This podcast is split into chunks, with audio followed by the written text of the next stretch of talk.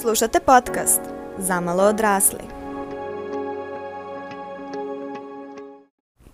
Zdravo svima i dobrodošli u podcast Zamalo odrasli. Uh, ako su sve prethodne...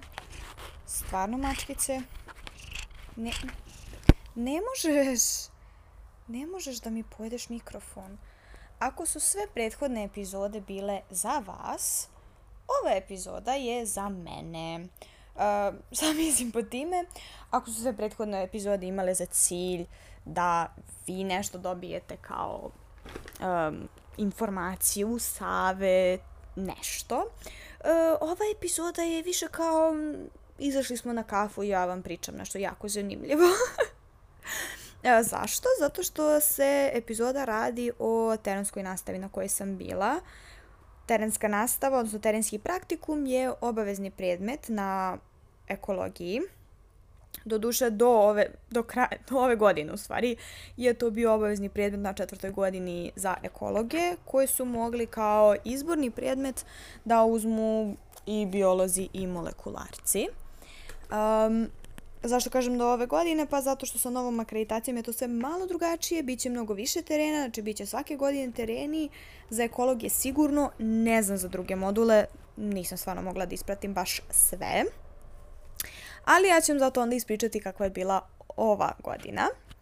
I da, ovaj, bit će još par generacija koji će pohađati isto ovako kao i ja, s obzirom da ima još uvek tri generacije iza mene koje su upisale po starom staroj akreditaciji, a oni koji su ove godine upisali tek slušaju novu akreditaciju. U čemu je stvar? Do sada je kod nas na osnovnim studijama postao taj TP1, odnosno terenski praktikum 1, a onda na master studijama ono kao drugi deo toga. I prvi deo je značio odlazak po Srbiji, 5-6 dana, 7, zaista kako koje godine uspiju da se organizuju šta. A, za master studente je onda to bio odlazak po Crnoj Gori i onda, jel te, isto to samo u Crnoj Gori. Isto tako 5-6 dana. E, ali zato što a, od ove godine, kao što ide nova akreditacija za osnovne studije, ide nova akreditacija i za master studije i po novom masteru ne postoji teren za ekologe, samim tim moja generacija i još tri generacije iza bi bile oštećene za taj drugi teren, te su od ove godine odlučili da nam praktično u malo skraćenoj verziji spoje prvi i drugi teren. Tako da smo mi na teren išli 10 plus uh, 4 dana. Uh, tih plus 4 su u stvari 4 jednodnevna terena, a 10 dana se išlo iz suga. Če kao što sam rekla, to je obavezan predmet uh, koji prosto moraš da položiš da bi završio fakultet. I s jedne strane, mislim, to jeste malkice nezgodno s obzirom da se to logično dodatno plaća, nebitno da se na budžetu ili ne i dalje moraš da platiš. Naravno, ono što je tu, aj kažemo, mač dve ošeće, s jedne strane, ove godine je bilo 18.000, što s jedne strane, ukoliko si ti student na budžetu koji već će imati ove godine troškove ukoliko recimo diplomira za diplomu, možda bilo kakve druge stvari, eto, ne znam, absolventsko veče, ovo ono, sad treba da platiš i nešto da bi mogao da ideš na redovnu nastavu. Ali opet s druge strane, s obzirom smo mi 10 dana imali pun pansion, znači doručak, ručak, večera, um, sasvim, sasvim fine hotele i slično, 18.000 je stvarno ništa s obzirom na to šta smo dobili. Tako da u tom smislu kao da, cena je stvarno maksimalno fair, ali opet s druge strane malo onako ume da boli to što koliko god je cena fair i dalje je nekome to mnogo. Tako da da, tehnički postoje neki način da se ne ode na taj teren, da se i dalje završi predmet, ali kao uglavnom ljudi to ne biraju. To je jedino bilo one prve godine kad je korona bila. Uh, tada je u stvari bilo najviše ljudi koji zapravo nisu otišli, valjda ne znam kao je tačna priča bila i slično, ali ovaj, generalno uglavnom svi idu jer je super provod, prvenstveno i stvarno nezaboravno iskustvo. Um, naravno, ono što većini ljudi bili iznenađujuće, ne, mi ne idemo samo na teren i ne završava se tu sve što radimo za taj predmet. Uh, imamo i određene, aj kažemo, zadatke koje moramo da odredimo nakon povratka sa terena i imamo određenu, imamo i ispit. Uh, ispit se sastoji iz tri dela i to je možda meni najmanje simpatičan deo, a to je prepoznavanje vrsta biljaka i životinja i jedan test provere znanja za zaštićena područja. A um, pored toga pravimo bazu podataka za biljke i pravimo izveštaj, odnosno praktično to je, ajde kažemo, malo komplikovanija baza podataka za uh, životinje koje smo videli. Uh, I to nosi većinu ocene, nažalost sam teren nosi veoma malo poena, što recimo u slučaju kao što se desilo ove godine se jedna koleginica razbolela pre terena pa je došla kasnije i onda se razbolela na terenu i bukvalno je bila od 5 dana sve ukupno uh, na terenu od 14. Uh, iz tog razloga ispalo super jer ona će dalje moći da ima desetku bez problema, iako nije realno bila tu većinu vremena. I kao što sam rekla, znači to je obavezan predmet, ali uvek se naravno priključe i uh, neki biolozi, neke godine bude i neki molekularac, koji prosto žele to da slušaju kao, obav, kao izborni predmet. Oni to ne moraju da polažu ukoliko imaju dovoljno drugih bodova i ne treba im to uh, kao bodovi da bi završili fakultet, oni to bez problema ovaj, uh, ne moraju da polože ukoliko ne žele, mogu samo da uh, odu, provedu se s nama, uživaju. Naravno, mi to moramo da odradimo sve. E, sad, um, kako je cijelo koncipirano? Znači ima tih uh, jednodnevnih izla, uh, izleta. Ove godine se išlo na Adu, to je bio najkraće, to je bukvalno bilo par sati samo. Uh, Avalu, to je bilo prilike pola dana. Um, onda Obecka bara i Zastavica, to je bilo celodnev, celodnevni i uh, Deliblatska peščara, takođe ceo dan. I ono što jeste cijela poenta tu je da mi obiđemo prvenstveno zaštićena područja ili područja koje bi realno mogla da budu ili trebalo bi da budu zaštićena i koji imaju neku specifičnost, neku specifičnu faunu, neku specifičnu floru, neku specifičnu istoriju i ono možda i najbitnije neke specifične ekosisteme. E, tako da čak i avala koja deluje kao, kao šta navali, ipak i navali ima šta da se vidi. To možda jeste nešto što nama ovako deluje obično jer smo prosto navikli na recimo bukove šume ili uh, šume ili hrastove šume sa različitim hrastovima, ipak je nama to onako lep uvod u to da vidimo. Ili recimo što se tiče um, Ade Ciganlije, odnosno Savskog jezera, to je ipak jedan vodeni ekosistem koji opet, baš zato što nam je blizak, savršen uh, uvod u to da kad odemo nešto što ne poznajemo, što nismo videli, ipak možemo neke zaključke da izvedemo. Nakon tih terena smo išli na desetodnevni teren koji je onda bio po Srbiji i Crnoj Gori. Prema što pređem detaljnije o tom velikom terenu, kako ga mi kolektivno zovemo, evo šta recimo mi radimo na našim terenima. Znači uvek uh, sakupljamo biljke, naravno s obzirom da mi sami sada ne vršimo istraživanje neko sada idemo sa nekim konkretnim ciljem, nego je prosto cilj da određene biljke koje profesori smatraju da su bitne i koje nađemo u tom trenutku, uh, da ih sakupimo i sakupljamo ih da bismo pravili herbar. Um, ja sam neko ko voli biljke, ali prezirem herbar. to mogu onako vrlo otvoreno kažem da ga jako mrzim i da me jako mrzi da ga radim, da ga uglavnom radim ofrlje i da nisam radila sa kolegama, moj herbar bi izgledao pet put gore. Zato što men to generalno, kao, s jedne strane razumem, treba naučiti to, a s druge strane me jako nervira kad moram da skupim 200 biljaka i da ih nosam sa sobom. Tako da tu smo mi imali naravno i tehnike šta kako, podela posla, pa kako da se ti biljke ne izgužvaju, pa onda najbolji deo kada profesor ti kao pokaže šta treba da ubereš i okay, ubošćeš ti za ove velike biljke i sve to. Kad dođu one travuljine, pa ono svakako ima pet trava tu različitih jedna do druge, pa ubereš pogrešnu, pa predivno. Um, uspeli smo naravno i da izgubimo neke biljke umeđu vremenu, to je bilo fenomenalno. I ono što smo jako odlično uradili, to je obeležavali smo, pošto sve, kažem, ostalo možeš da prepoznaš stvarno, mnoge biljke smo radili već po peti, šesti put, ali trave su pakao. Um, mi jesmo to lepo obeležavali na kesici, onda kad smo ih presovali ništa nismo obeležili, tako da je baš bilo zabavno. Što se tiče životinja, životinje nismo sakupljali, uh, jer prvenstveno, mislim, kičmenjake ne smemo da sakupljamo. A, mislim, ne smemo da...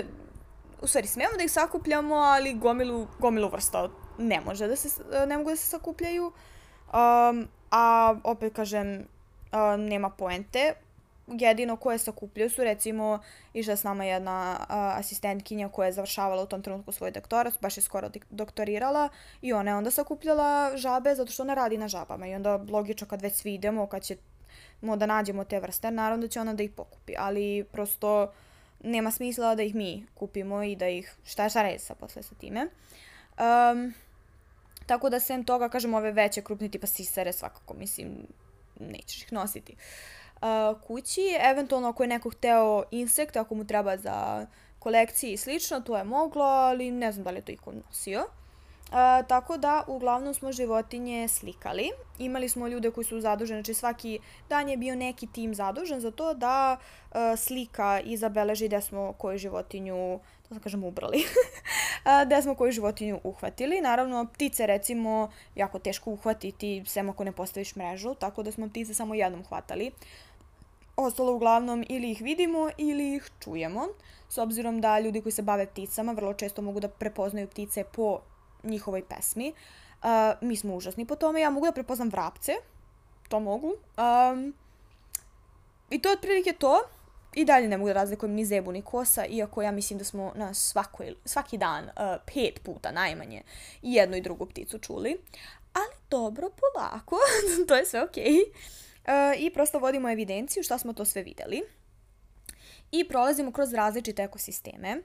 Jer je bitno prosto da vidimo u kakvom su stanju sada ekosistemi, a ono što je jako zanimljivo je da naši profesori i asistenti, sad mislim opet zavisi kako ko se kada priključio tom timu, ali neki od njih idu i već skoro 30 godina na ista ta mesta. Mi smo ove godine neka mesta preskočili, ali svakako sva ta mesta su nekako uvek nekad bila u programu. I onda je mnogo zanimljivo kad oni mogu da ti kažu koliko se to promenilo kroz decenije, šta je gde bilo, šta je gde ostalo. Naravno, uvek stavimo akcent na to koji je, šta ugrožava taj ekosistem, jer uglavnom ga nešto ugrožava, i koji su trenutno i da li postoje neki sistemi zaštite i šta bi trebalo još da se uradi i kako bi to moglo da se uradi. Ono što meni jeste jako zanimljivo je, pošto smo dosta vodenih ekosistema viđali, ako su u pitanju neki barski ekosistemi, um, prosto jedna zanimljiva stvar je da uh, svaki, svaka stajaća voda teži da postane kopneni ekosistem. Znači, svaka bara, svako jezero, prvenstveno, mislim, svako jezero, mislim, bara je samo ono, kaka, pliće jezero, um, zapravo će u nekom trenutku u budućnosti postati šuma. Samo što je taj period, recimo ako pričamo o Bajkalskom jezeru, uh, ono, možda se da i planeta se raspadne pre nego što se to desi, jer je Bajkalsko jezero i jezivo duboko i to je užasno hladno, ono je jako čisto i taj proces je nenormalno spor. Ali generalno sve ostalo, znači polako, post, polako se praktično zabarava, zabarava, da, a onda to posle sve postaje prvo livada, pa posle šume. I s obzirom da je recimo Obetska bara zaštićena, um, i treba bude zaštićena jer tu stvarno ima neverovatnih stvari, vrlo je specifična, mi tu imamo praktično jednu prašumu, um, to je Debela gora i stvarno tu kad uđeš ti vidiš koliko je to fenomenalno. Opet pitanje je um, ako mi sad koliko mi treba napora da uložimo da održavamo tu baru da je ne uništavaju dodatno ljudske aktivnosti, da ne ubrzavaju taj proces, ali opet kako da ne zaustavimo taj proces skroz, jer i dalje taj proces je sasvim prirodan. Problem je samo što ljudi utiču da se on dešava daleko, daleko brže. Uh, I kao što sam rekla, to su stvarno uh, ono što ja nekako nisam ni zamišljala, da će toliko biti lepo ići sa ljudima koji znaju šta rade, koji poznaju prirodu, Mislim, ja sam od uvek volila prirodu i ja kako god sam išla i sa drugarima i sve to, ja sam uvek neko ko će ja vidi ovo, ja vidi ono, ja vidi pipni ono, idi pipni ono. Ali ipak nekako nije isto kad si ti jedini taj koji će da ide okolo i da radi takve stvari i da prosto donekle i mi imamo, iako ja sam neko ko stvarno voli prirodu, ipak postoji neki urođeni strah od prirode. Ne znaš šta može da se desi, nepoznato ti je i onda ipak imaš neku uh, tu vrstu kontrole koliko ćeš i šta ćeš. Znam i kad sam išla na neke ture i recimo aj kažemo, to su planinarske ture, ali ono ne planinarenje u smislu penjem se po stenama, nego pešačke planinarske ture. I tada nisam ja išla van staze, prosto zato što nije, nije bilo okej okay da idem van staze, nije bilo bezbedno, zato što prosto nije takva bilo okruženje, niti nije bila takva ekipa. A ovde mi smo više išli van staza nego po stazama, da se razumemo. I prosto, baš prvo to na Obetskoj bar, ajde kad smo išli na Avalu i na uh, Adu Cigalniju, to nije bilo toliko ok, ali ništa specijalno, javno. Uh, ali već kad smo otišli na Obetsku baru i Zasavicu, prosto onako ideš tamo, ljudi nešto love, svako donosi, nekom, svako donosi neku životinju, uh, svako nešto drži u ruci, pa svi to ovaj, onda uzmemo, vidimo, pipnemo, slikamo, pogledamo. Uh, prosto nekako neko može ti pokaže na šta da obratiš pažnju, šta je tu specifično, šta je tu zanimljivo.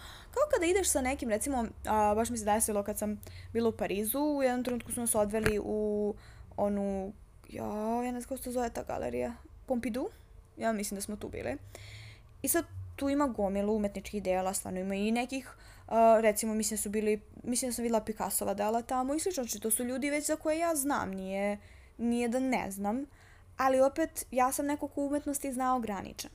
Ali sam ja odmah se pripojila drugarici koja je završila istoriju umetnosti, da ja idem s njom, da bi ja nju mogla pitam, da ona meni priča, jer sam ja tek tada mogla zaista da uživam u tome, da sam ja išla sa nekim ko ne zna šta mi to gledamo, nije to isti užitak. E, pa ovo je isto tako, znači ovo je kao jedan veliki muzej na otvorenom.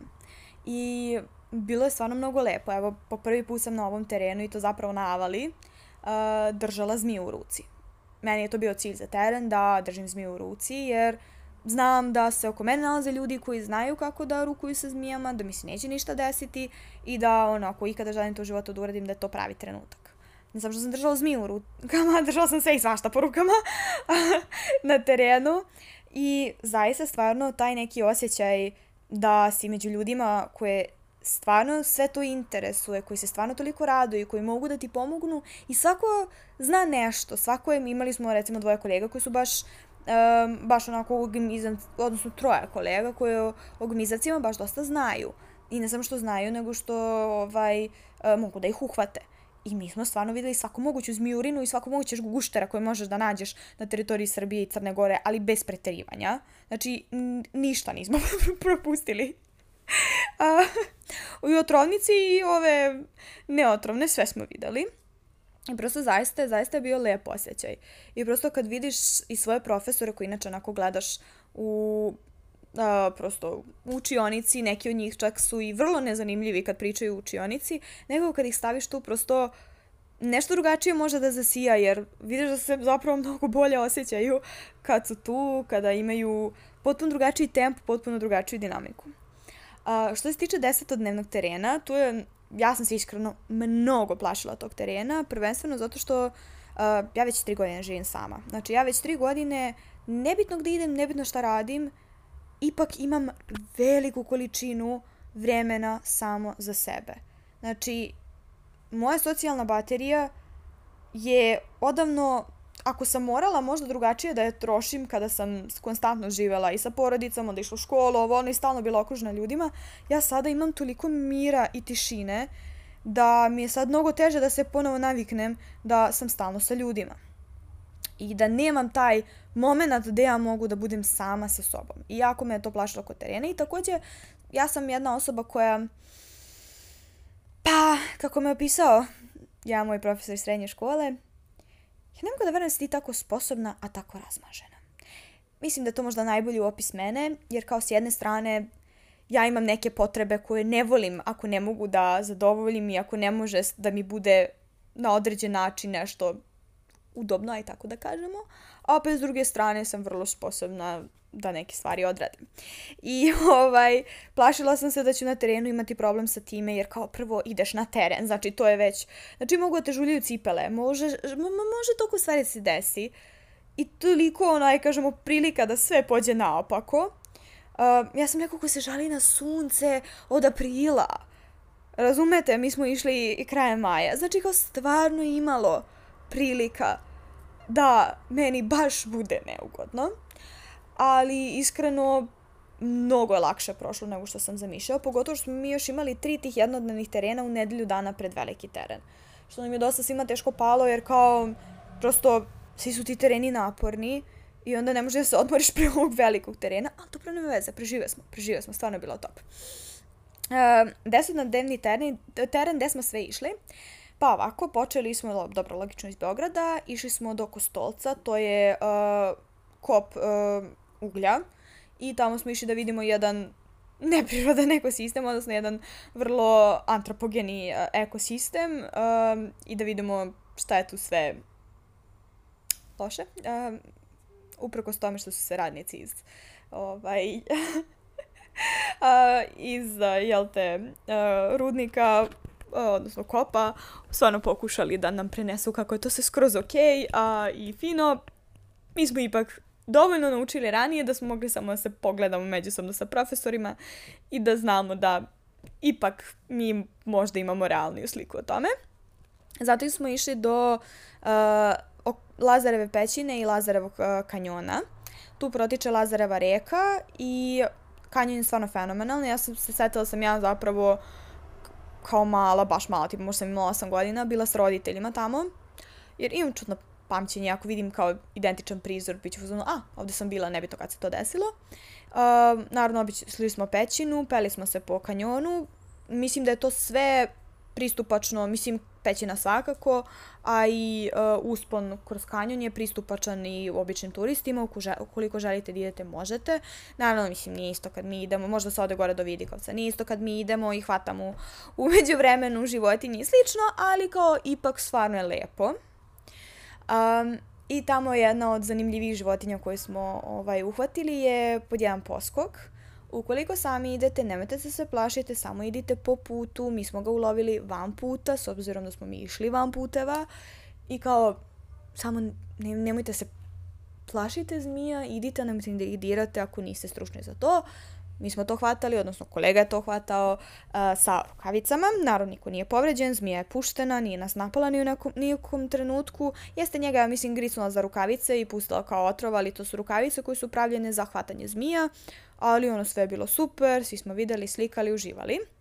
Druga životinja koja je bila izuzetno zanimljiva uh, su slepi miševi, pošto smo nekoliko vrsta hvatali, nismo samo jednu vrstu. Um, hvatali smo slepe miševe, oni se hvataju pomoću mreže. Um, isto kao i ptice i uh, nakon što se hvataju, naravno odmah moraju se spasu da ne upadnu u vodu jer ih hvatamo iznad vode pošto tu love. Uh, hvatali smo ih, onda su oni koji su stručni za to tok preko noći ovaj, odredili koje su vrste i sutradan ujutro smo ih mi gledali i beležili. I mnogo su slatki, ne smiju se pipaju rukama zato što mogu prenesu boleštine ukoliko grizu. Mislim, oni nisu agresivni i slično, ali ne treba prosto rizikovati. Uh, Uh, I mnogo su slatki i baš je bilo uživanje videti ih tako izbliza.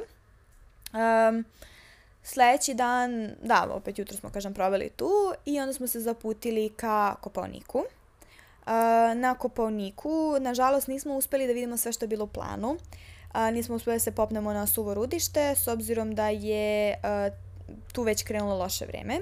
Da, jedna stvar koja nas je pratila kroz ceo taj viš, višednevni teren je u stvari bila kiša. Uh, ali moram priznati kako nas je pratila, mogla biti mnogo gore.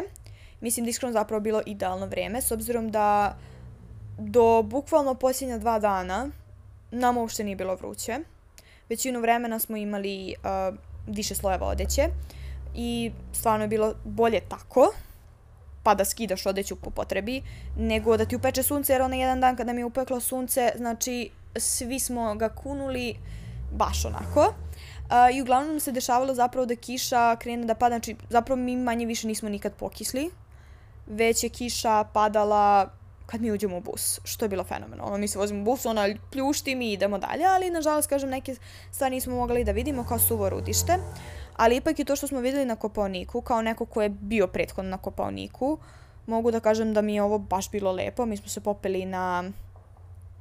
Au, već sam zaboravila kako se taj lokalitet zove, ali ovaj, mogu da ispišem sve ovaj, posle u uh, komentarima, ali da, uh, popeli smo se na jedan stvarno prelepi onako stenovit pejzaž i našli prelepo cveće koje će svakako biti u Reelsu pa ćete vidjeti. Um, ali je dosta nas je tu pratila magla, tako da s jedne strane je bilo magično, a opet s druge strane nije moglo se vidjeti toliko puno stvari. Uh, naravno, Koponiku smo se upoznali i sa radom nacionalnog parka, um, što opet, ako ste ikada bili na Koponiku, a znate da je Koponik nacionalni park, možda vam se može činiti da to dve stvari nekako ne idu zajedno. I zaista Koponik je vrlo vredan nacionalni park koji je totalno, pa prilično uništen s obzirom na to da se gradi tamo gde ne bi trebalo da se gradi i prosto ne može na adekvatan način da se štiti. Ono što je meni bilo najlepše na Koponiku je bila jedna tresava. Za one koji ne znaju šta je tresava, to je praktično, um, ajde kažemo močvara, ali ima mnogo manje vode, mnogo više biljaka. Znači to je praktično, ajde kažemo, jedna vlažna livada, ali kad kažem vlažna, mislim, ovako ti deluje kao da je blago, onako, moknikavo, kao da je padala kiša, kad zgaziš, ono ti samo potone noga. Mislim, sad opet zavisi od toga u kom je stadijumu, koliko će ti potone noga, ali onako, baš je puno vode. I onda tu uglavnom rastu mahovine. Um, I eventualno liševi i slično i četinari, to je to, bukvalno nema šta više. Borovnice mogu što da rastu, ali nema manje više ništa drugo. I to je meni zaista izgledalo magično. Ja sam oduševljena, ja mnogo volim uh, i liševe i druge i gljive, ovaj, ako ih ima, i četinari, sve, mislim, meni je zaista to bilo bajno. Uh, sledeće smo bili na Tari. Uh, na Tari smo imali jedan za, zaista lep uh, moment sa hotelom. Mislim da i prethodno su nam hoteli bili sasvim fini. Ono što je nas dosta iznenadilo, hrana je bila sasvim, sasvim super. Uglavnom smo imali um, ono kao švedski sto, samim tim čak i ja koja ne jedem meso niti ribu sam mogla da pronađem sa, sa sebe bez problema. Šta da jedem, jedino nam je ručak bio onako malo bezvezniji, samo zato što smo imali stalno uh, lunch pakete, tipa možda dva put smo jeli ovaj, zapravo u hotelu, jer prosto takav nam je tempo bio. Mi smo stalno menjali lokaciju, samim tim stalno menjali hotele. Uh, I onda nismo nigde bili za ručak, nego smo za ručak bili na putu između jedne i druge lokacije. Um, I uglavnom su to onda bili praktično sendviči, što je bilo dosta suvo, a dobro nema veze, iskreno, ob meni je bilo okej. Okay stvarno ne mogu da se žalim, s obzirom da sam neko koji ima običaj da na ekskurzijama, koje sam plaćala mnogo, mnogo više, e, ne jedem ništa jer je hrana bila jezivo odvratna. Ovde stvarno sam uvek, kažem, našla šta da jedem i baš sam onako lepo klopala, tako da se stvarno ništa ne žalim. Um, ali ono što je nas iznenadilo na Tari je, bili smo u onom hotelu Omorika, gde smo iz nekog razloga svi bili kao klinci na rekreativnoj. Um, I naravno mi smo videli odmah da hotel ima bazen, ja sam to videla, ali sam prošla radi do 8, jako šta se radi i vjerojatno se doplaćuje. Jer smo mi naravno nosili kupaći zbog toga što idemo u Crnu Goru na more. Ali jedna koleginica pitala njih dokle radi bazen i da li mi možemo u bazen i oni su rekli da, da, kao svi gosti hotela ono, kao mogu u bazen, pa ako hoćete mi možemo do 11 da vam otvorimo bazen. Jer smo mi praktično svaki dan uh, napuštali sobu od negde oko 8 ujutru i vraćali se oko 8 uveče. I mi stvarno ne bismo mogli nikako da stignemo. I oni su nama stvarno ostavili do 11 otvoren bazen. Mi smo samo otišli gole, presvukli se u kupaće, spustili se dole i a, ovaj a, kupali se dva sata, bile čak i sauna. Znači, bože, mi smo se osjećali kao bogovi. To je bilo toliko divno iskustvo. Znači, ja nisam mislila da će me toliko oduševiti tako nešto, ali jeste. Mislim, prvo ja prvo obožavam da plivam, tako da meni bilo zaista divno. Uh, na Tari opet smo obilazili nacionalni park, tu smo bili u dosta rezervata, s obzirom da uh, nacionalni park uh, Tara ima dosta specijalnih rezervata prirode i ono što je tu predivno, ja mislim da i te stvari sve mogu se turistički posjete, verovatno sa nekim vodičima. Mi smo naravno išli, prosto ljudi znaju gde idu, šta rade. Um, ono što tu meni bilo jako, jako lepo, sve te šume su zaista na jednom drugom nivou, jer uh, u specijalnim rezervatima prirode uh, ne može čovek da se meša ni na koji način. Znači, može eventualno neke stvari u uh, istraživačke, uh, naučno-istraživačke svrhe, edukativne, ali baš ono ne bilo šta, nego eto recimo kao ova naša terenska nastava. Ali uh, ono što je bitno je da nema uh, aj kažemo, menadžmenta šuma, u smislu, ukoliko neko drvo padne, ostaje tu. Ništa se ne seče, ništa se ne odnosi, sve ostaje tu. Ništa se ne dira to je cela poenta, što se uopšte ne upravlja tim šumama, odnosno, ono, gledaš sa strane i puštaš prirodu da radi svoje. I samim tim te šume toliko izgledaju neverovatno, magično. Ja, ja ne mogu da vam objasnim kakav je to osjećaj. Ja prva mnogo volim biljke, mnogo volim šume i stvarno je prelepo, ali ja mislim da, da, da niko ne bi mogao da ostane ravnodušan i ono što je meni na Tari bilo specifično je to što ovaj, uh, jedno od uh, tih rezervata, uh, Crveni potok, ima mnogo različitih gljiva, a ja ih obožavam. Ja sam samo išla i slikala i samo ih gledala i stvarno su neverovatne i prelepe. Uh, naravno, na Tari smo posjetili mnoge druge lokalitete. Nažalost, uh, Pančićevu Moriku nismo mogli da vidimo izbliza, s obzirom da nas je opet nevreme sprečilo u tome ali smo iz daljine mogli da je vidimo. A, makar toliko. to nas naravno nije spriječilo da skupimo još gomilu biljki biljaka. Um, ali dobro, naravno posjetili smo i Perućac, na Perućac, Perućacu smo se vozili brodićem, da, ono što je mene oduševilo koliko smo mi puta išli brodićem. Znači prvo na Obetskoj pariji, pa onda posle na Perućcu, pa smo posle na Skadarskom jezeru. Uh, ja sam stvarno, stvarno bila oduševljena, jer nisam očekivala da će i tako neke stvari biti uključene. I tu smo zaista videli svašta i kao što sam rekla, ono što je isto meni bilo prelepo je to što smo stalno imali kontakt sa vodom. Ja mislim da nema dana, sem u Deliblatskoj peščari, kada mi nismo kod nekog vodenog ekosistema bili. Um, zatim, posle Tare, na Tari smo bili dva dana, uh, smo otišli na Durmitor. Nikad nisam pre bila na Durmitoru, moram priznati, jako sam malo bila u Crnoj Gori. Um, I kad sam bila to, onda sam bila na Primorju i prošla, malo očašila Crnogoru kanjonom a, reke Tare. Um, I mene Durmitor raspametio. Znači, ja, ja nemam reći da to opišem. One stvari kako sam vidjela na slikama za švajcarske Alpe, to sam videla na Durmitoru. Mislim, ono je zaista predivno. I mnogo mi se dopalo stvarno je bilo divno. Uh, I wow, tamo smo isto posjetili tresom. I naravno da sam kao dete skakutala po tresavi da vidim kako izlazi voda, jer što da ne. Takođe i skroz pokvasila cipele, ali dobro, nema veze. Što one jesu bile relativno vodootporne, ali nisu gumene čizme. Tako da je vremeno malo onako prosifonjisalo se kroz cipele i okvasilo ih. Um, I tamo smo isto videli smo ono crno jezero i stvarno je sve maksimalno prelepo. I čini mi se da upravljači nacionalnih parkova u Crnoj Gori zaista rade stvari pa bolje nego mi ovde, moram priznati. Um, na Durmitor smo se isto zadržali dva dana jer smo tu obilazili Durmitor, da, išli smo do Pošćanske doline koja isto fenomenalna. Tu smo recimo morali, tu smo uhvatili šarku. Uh, to je isto, to je druga otrovnica koja se nalazi na, u našem, region, našem regionu. I to je to, nema, nema više, samo sam dve otrovne zmije.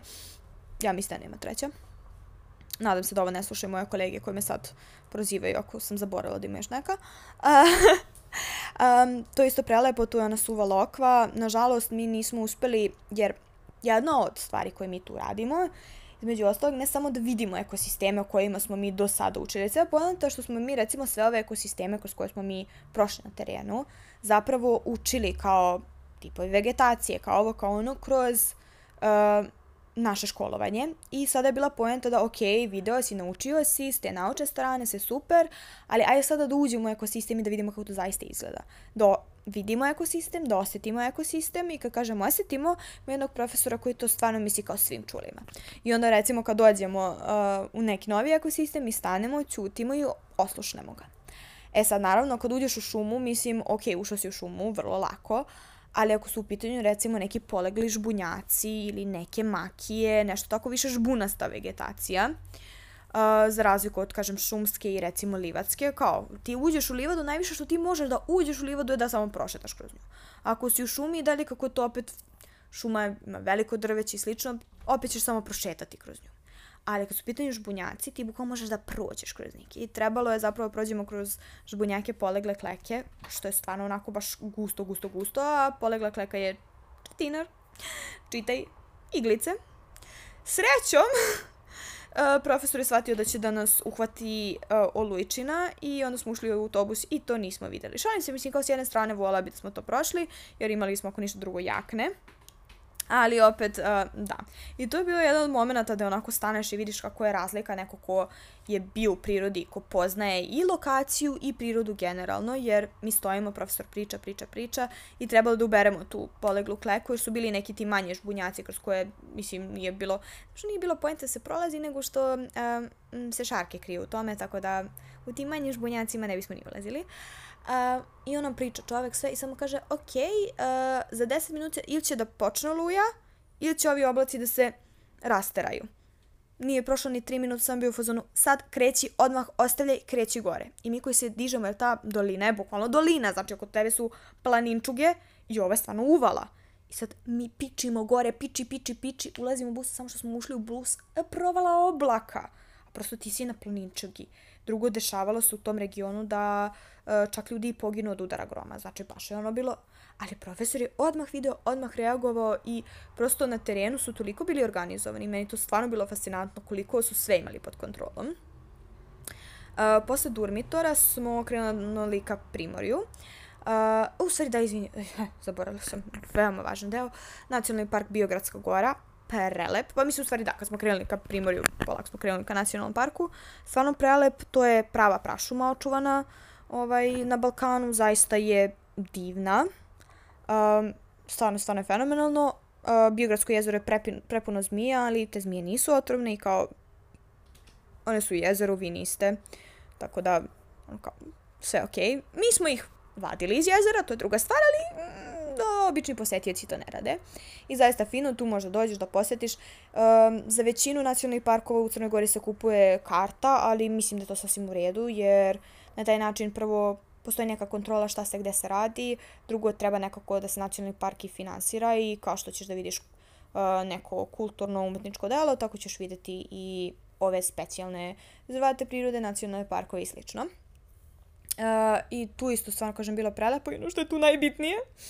Videli smo moju omiljenu vrstu vegetacije, a to su, to je okolo potočna vegetacija visokih planina. Uh, konkretno u pitanju biljka lopoč, ili ti uh, visoke zeleni ili ti zelje. Um, ako je neko gledao Totora, samo ću vam reći It's the Dream, jer je to ogroman list koji, mislim, po obliku podsjeća na, aj kažemo, malo reckaviji lokvanj, ali nije toliko čvrst, mislim, lokvanj je na vodi, ovo nije, ali takav otprilike oblik lista. Ogromno je, bukvalno raste gigantsko veliko, kao preko metar lagano ide list i meni je to toliko prelepo i preslatko. Uh, vidjet ćete i to u Reelsu svakako. Uh, zatim smo išli na Skadarsko jezero, koje je stvarno divno. Nažalost nismo prolazili kroz onaj deo gde obično turisti idu. Mi smo više gledali neke druge delove. Tako da svakako ću ići ponovo na Skadarsko jezero. Skadarsko jezero isto nacionalni park. Um, zatim smo stigli do Ulcinja gde smo uh, posetili Solanu.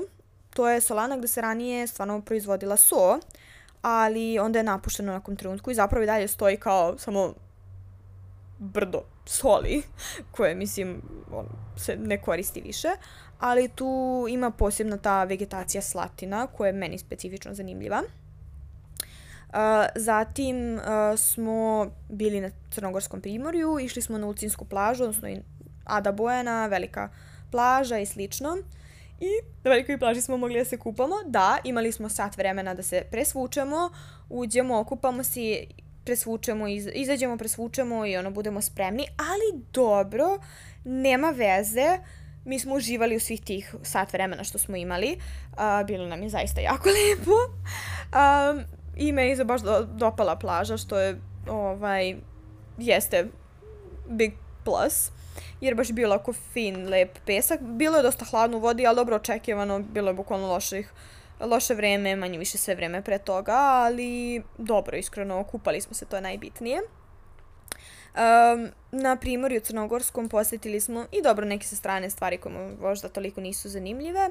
Još jednu solanu, Boku Kotorsku i tu smo, tu je institut uh, mora, odnosno istraživanja, istraživanja mora.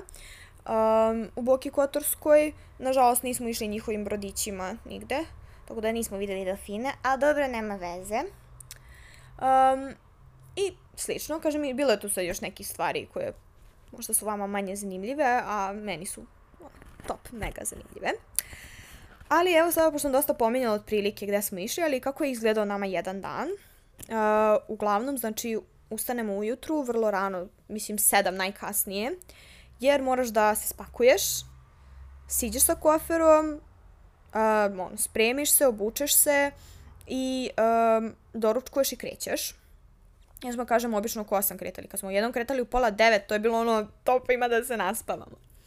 Onda, uh, naravno, odmah tu kupiš lunch paket, većinu dana, i to nosiš sa sobom. Mi smo manje više živali u, tim, u tom busu i nažalost zbog toga što smo mi krenuli onog dana kada su uh, kada je bio ovaj meeting SNS partije u Beogradu, mi smo dobili najgori autobus ikada.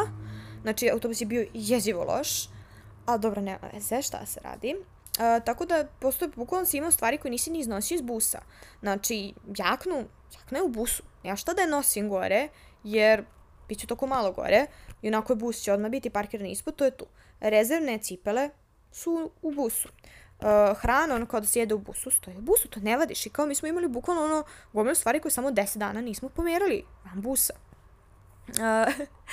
I onda krećemo i narednih, pa uglavnom 12 sati smo na terenu.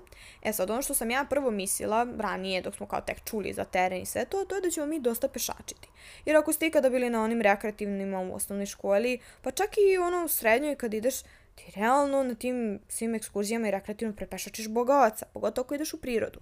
I ja sam očekivala tako nešto. Do duše ne, mislim, ok, mi smo svaki dan prešli minimalno 12.000 koraka, a realno 12.000 koraka nije ništa to ja pređem u Beogradu.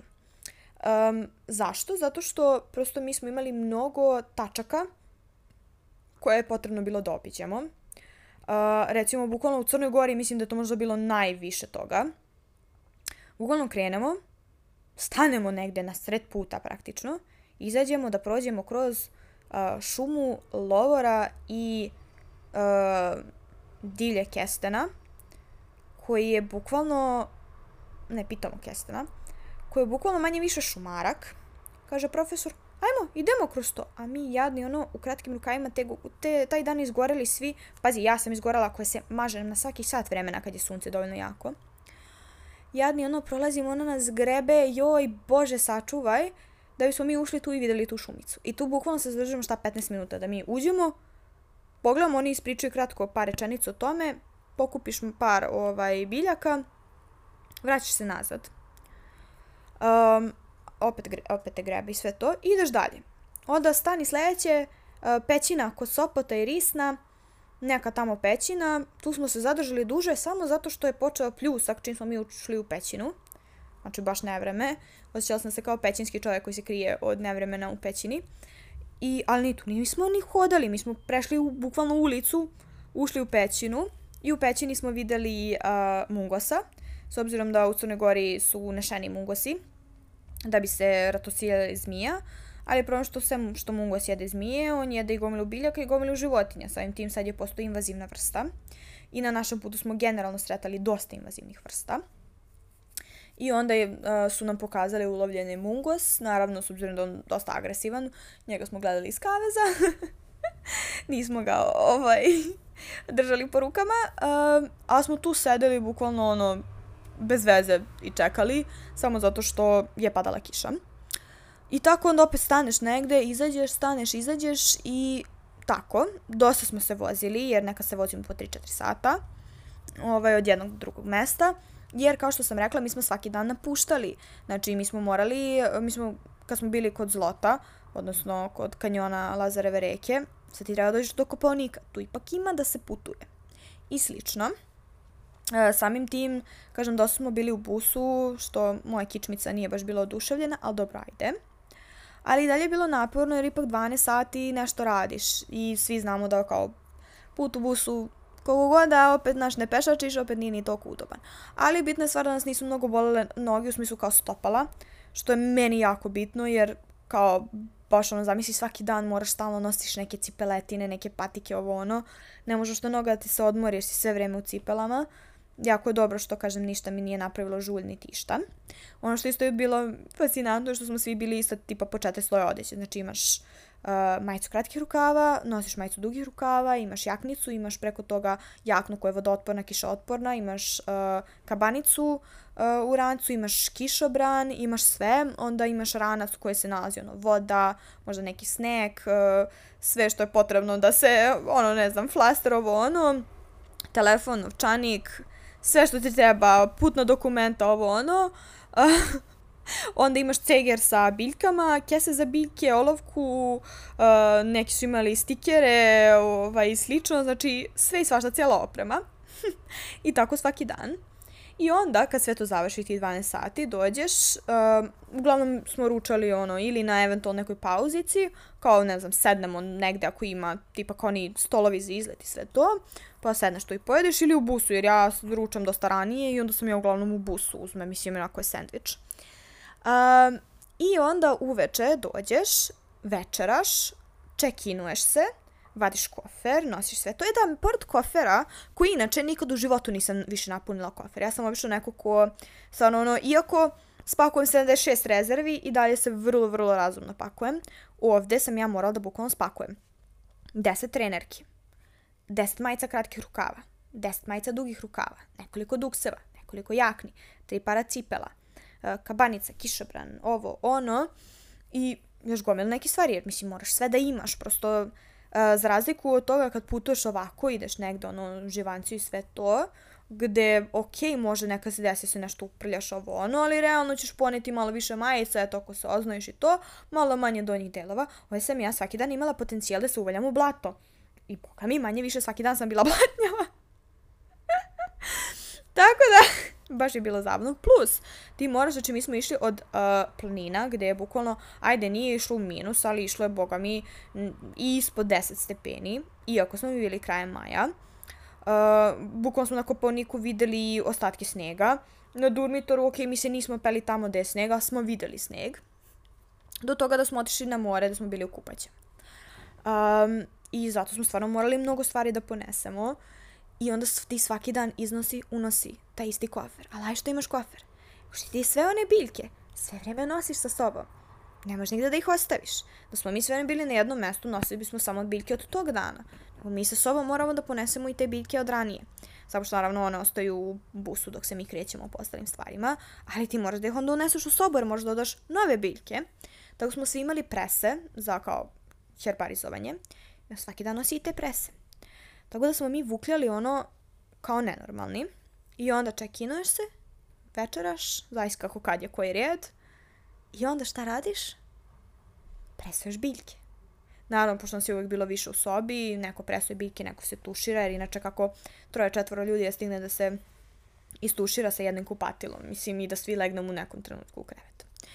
I onda sad ti misliš, ok, pa dobro, ko, šta je da ispresuješ biljke? Pa da, ali ti moraš da presvučeš stare biljke, ti moraš u sve te prese da naguraš biljke, on treba da stanu. Neke od tih biljaka, kao recimo ovi četinari, pošto baš, baš pogotovo kleke, stvarno ono, brate, zauzme 5 cm ovaj prese. Ne, molim ti se, meni to treba, mnogo je lakše kad je jedan list. Ovo je pakao. Pa presuje, pa se presa zaglavi. Pa smo mi po dva sata svaki dan odnosno svako veče se bavili tim biljkama. Znači, haos živi. I onda još posle toga ono malo se šćaškaš, pričaš, ovo ono. I ti dok legneš, to je već oko 12, 1, sad opet sutradan ponovo. Tako da sa te strane je bilo dosta naporno, ali ono što je mene iznenadilo je, kao što sam rekla, plašila sam se da, s obzirom da, aj, ja sam bila na ekskurzijama, posljednja ekskurzija ovaj, ne takva, ali posljednja ekskurzija ovaj, u četvrtoj godini je trajala osam dana i ja sam već, boga mi, sedmi dan nisam više mogla da podnesem da budem s istim ljudima sa kojima sam se družila ovaj, na početku.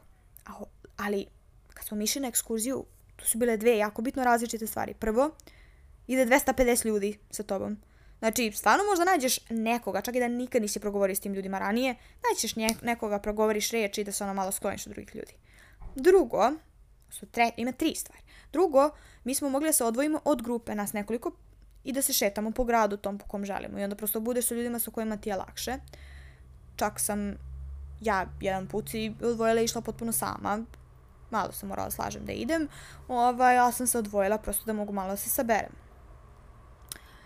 Treće, ti imaš neko vreme koje ipak možeš da provedeš u sobi, samim tim, ako tvoji svi izađu iz sobe, imaš malo vremena za sebe. Ovde, nas je ukupno sve išlo 35 i to na početku nas nije bilo ni toliko jer su se masteraši, ovogodišnji masteraši pridružili kasnije, su oni samo u stvari slušali taj deo u Crnoj Gori. I to znači da ti manje više nemaš baš neki izbor ljudi u smislu to. Drugo, mi ne smemo se odvajamo. Mi jedino kad smo bili u manjim grupama, to je bilo kad smo bili u sobama. U svim ostalim trenucima mi moramo svi da idemo zajedno, jer prosto u prirodi smo, nismo, znači tu može da se, prvo možemo da zalutamo, ne, prvo možemo da se izgubimo, drugo možemo da zalutamo negde gde je opasno. Mislim, prosto, koliko god da s jedne strane, mi smo kao što ste videli, hvatali sve i svašta, s druge strane opet znamo da životinje, divlje životinje mogu da budu opasne. I samim tim nismo baš nigde ovaj zalazili gde nije bilo potrebe da se zalazi. Um, tako da ja sam stvarno plašila da ću, da neću moći da izdržim toliko sa istim ljudima, ali zapravo moram priznati da sam iznenađena jer smo se baš fino i lepo držali i kao, iako nisam imala trenutak, jedino kad sam bila sama je bilo kad sam bila u WC-u, majke mi, sve ostalo sam bila sa ljudima, nisam trenutak drugi dobila mira, ali kao stvarno, stvarno je bilo sasvim ok, baš je bila fina ekipa i stvarno mi je bilo top. Naravno, profesori su bili fenomenalni, a i imamo jednog profesora koji je baš mnogo želeo da mi partijamo i on se baš žalio što, jel te, studenti nikad ne partiju. Pa kako da partijamo sunce ti kada 12 sati prvo rambačim i onda još 2 sata sa onim biljkama smaram, pa ka kada? Kada da stignem da partijem? I onda posljednje veče smo išli da se družimo sa profesorima i baš nam je bilo super. ovaj, a i oni su stvarno bili sjajni. I ono što je meni bilo jako bitno je to koliko su lepo, pošto smo imali problem sa posljednjim hotelom, hotel u Čanju, um, prosto nisu obezbedili dovoljan broj soba, odnosno sob, sobe koje mogu da primiti adekvatan broj ljudi. I na kraju sam ja ostala praktično bez sobe.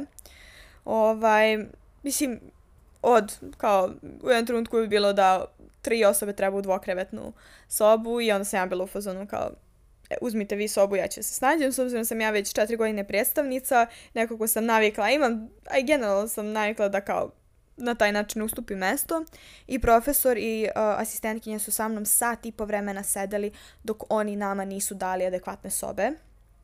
Znači sat i po vremena. Mislim, taj hotel je generalno bio haos. Mislim, nama su prvo dali uh, ključeve od sobe koja je već bila puna. Kao ljudi su imali svoje stvari unutra. Uh, onda su nas poslali nas tri u dvokrevetnu sobu. Uh, drugo, gomil ljudi se žalilo što nisu imali peškire po 12 sati, nisu imali posteljinu do 2 ujutru i slično, tako da kao general hotel je bio raspad sistema, inače ima četiri zvezdice kao. Um, ali dobro. I kao zaista sam bila ponosna koliko su profesori to lepo rešili, koliko nijednom trenutku se ja nisam osjetila kao da ja sad tu nešto sam, da sam ja problem, već su oni insistirali da se to reši i potrudili su se da zaista što pre meni problem bude rešen, ali bez dizanja frke. U jednom trenutku nije bilo drame, nije bilo vike, nije bilo svađe, ničega. Tako da sam, kažem, zaista bila oduševljena ovaj, time. Um, zaista je bilo kao lepo videti da ideš ljudima koji drže sve pod kontrolom i nešto što meni definitivno najdraže bilo je kada mi je profesor za to svo vreme rekao kao pa da mi znamo da vama studentima najteže. Kao neće neko da shvati jer oni ljudi to rade iako mislim dosta mojih profesora od ti koji su išli um, dva profesora sigurno, ne znam koliko treća profesorka ima godina, ali dva profesora imaju 61, 2, 3, kao to nisu mislim, ljudi godinama, ali oni to rade već pola svog života i njima je to, ono, random Tuesday. I samim tim kao zaista, zaista je njima to mnogo lakše nego nama, iako smo kao mi mladi ovo ono, jer prosto nama je to novo i nepoznato. I kažem, zaista stvarno bilo lepo, videla sam stvari koje nikada pre i pitanje kada ću sledeći put moći da vidim. I zaista, zaista je bilo divno, jer su meni svi profesori, svi su mi pričali kao, vidjet ćeš što ti je kao ono, najbolje iskustvo, to mi dan danas pamtimo, mislim, profesorka koja ima, žena sad napunila 50 godina, ona i dalje pamti taj svoj teren od svega, iako je ona sada, mislim, žena se isto bavi i ona ide na teren i sve, ali ona pamti taj teren, tako da kažem, zaista je stvarno bilo lep, baš lepo iskustvo. Um, pokušao podelim i s vama, mislim, pokušala sam evo ovako da podelim s vama koliko sam mogla ako želite tako nešto, još uvijek niste upisali fakultet, upisite ekologiju, a, promocija biološkog fakulteta u Beogradu i slično, ali ne, stvarno zaista je bilo divno i zaista onako, moram priznati, onako fin način da se završi, završe studije. Tako da, eto, nadam se da ste uživali u ovoj predugačkoj epizodi. Vama vjerojatno potpuno beskorisno, ali nema veze, hej, nekada je fin slušati samo zanimljive priče. Tako da, eto, ja ću da podelim na Reelsu uh, i malo da se to zapravo sve vidi. Pa, do sljedeće epizode, slušamo se.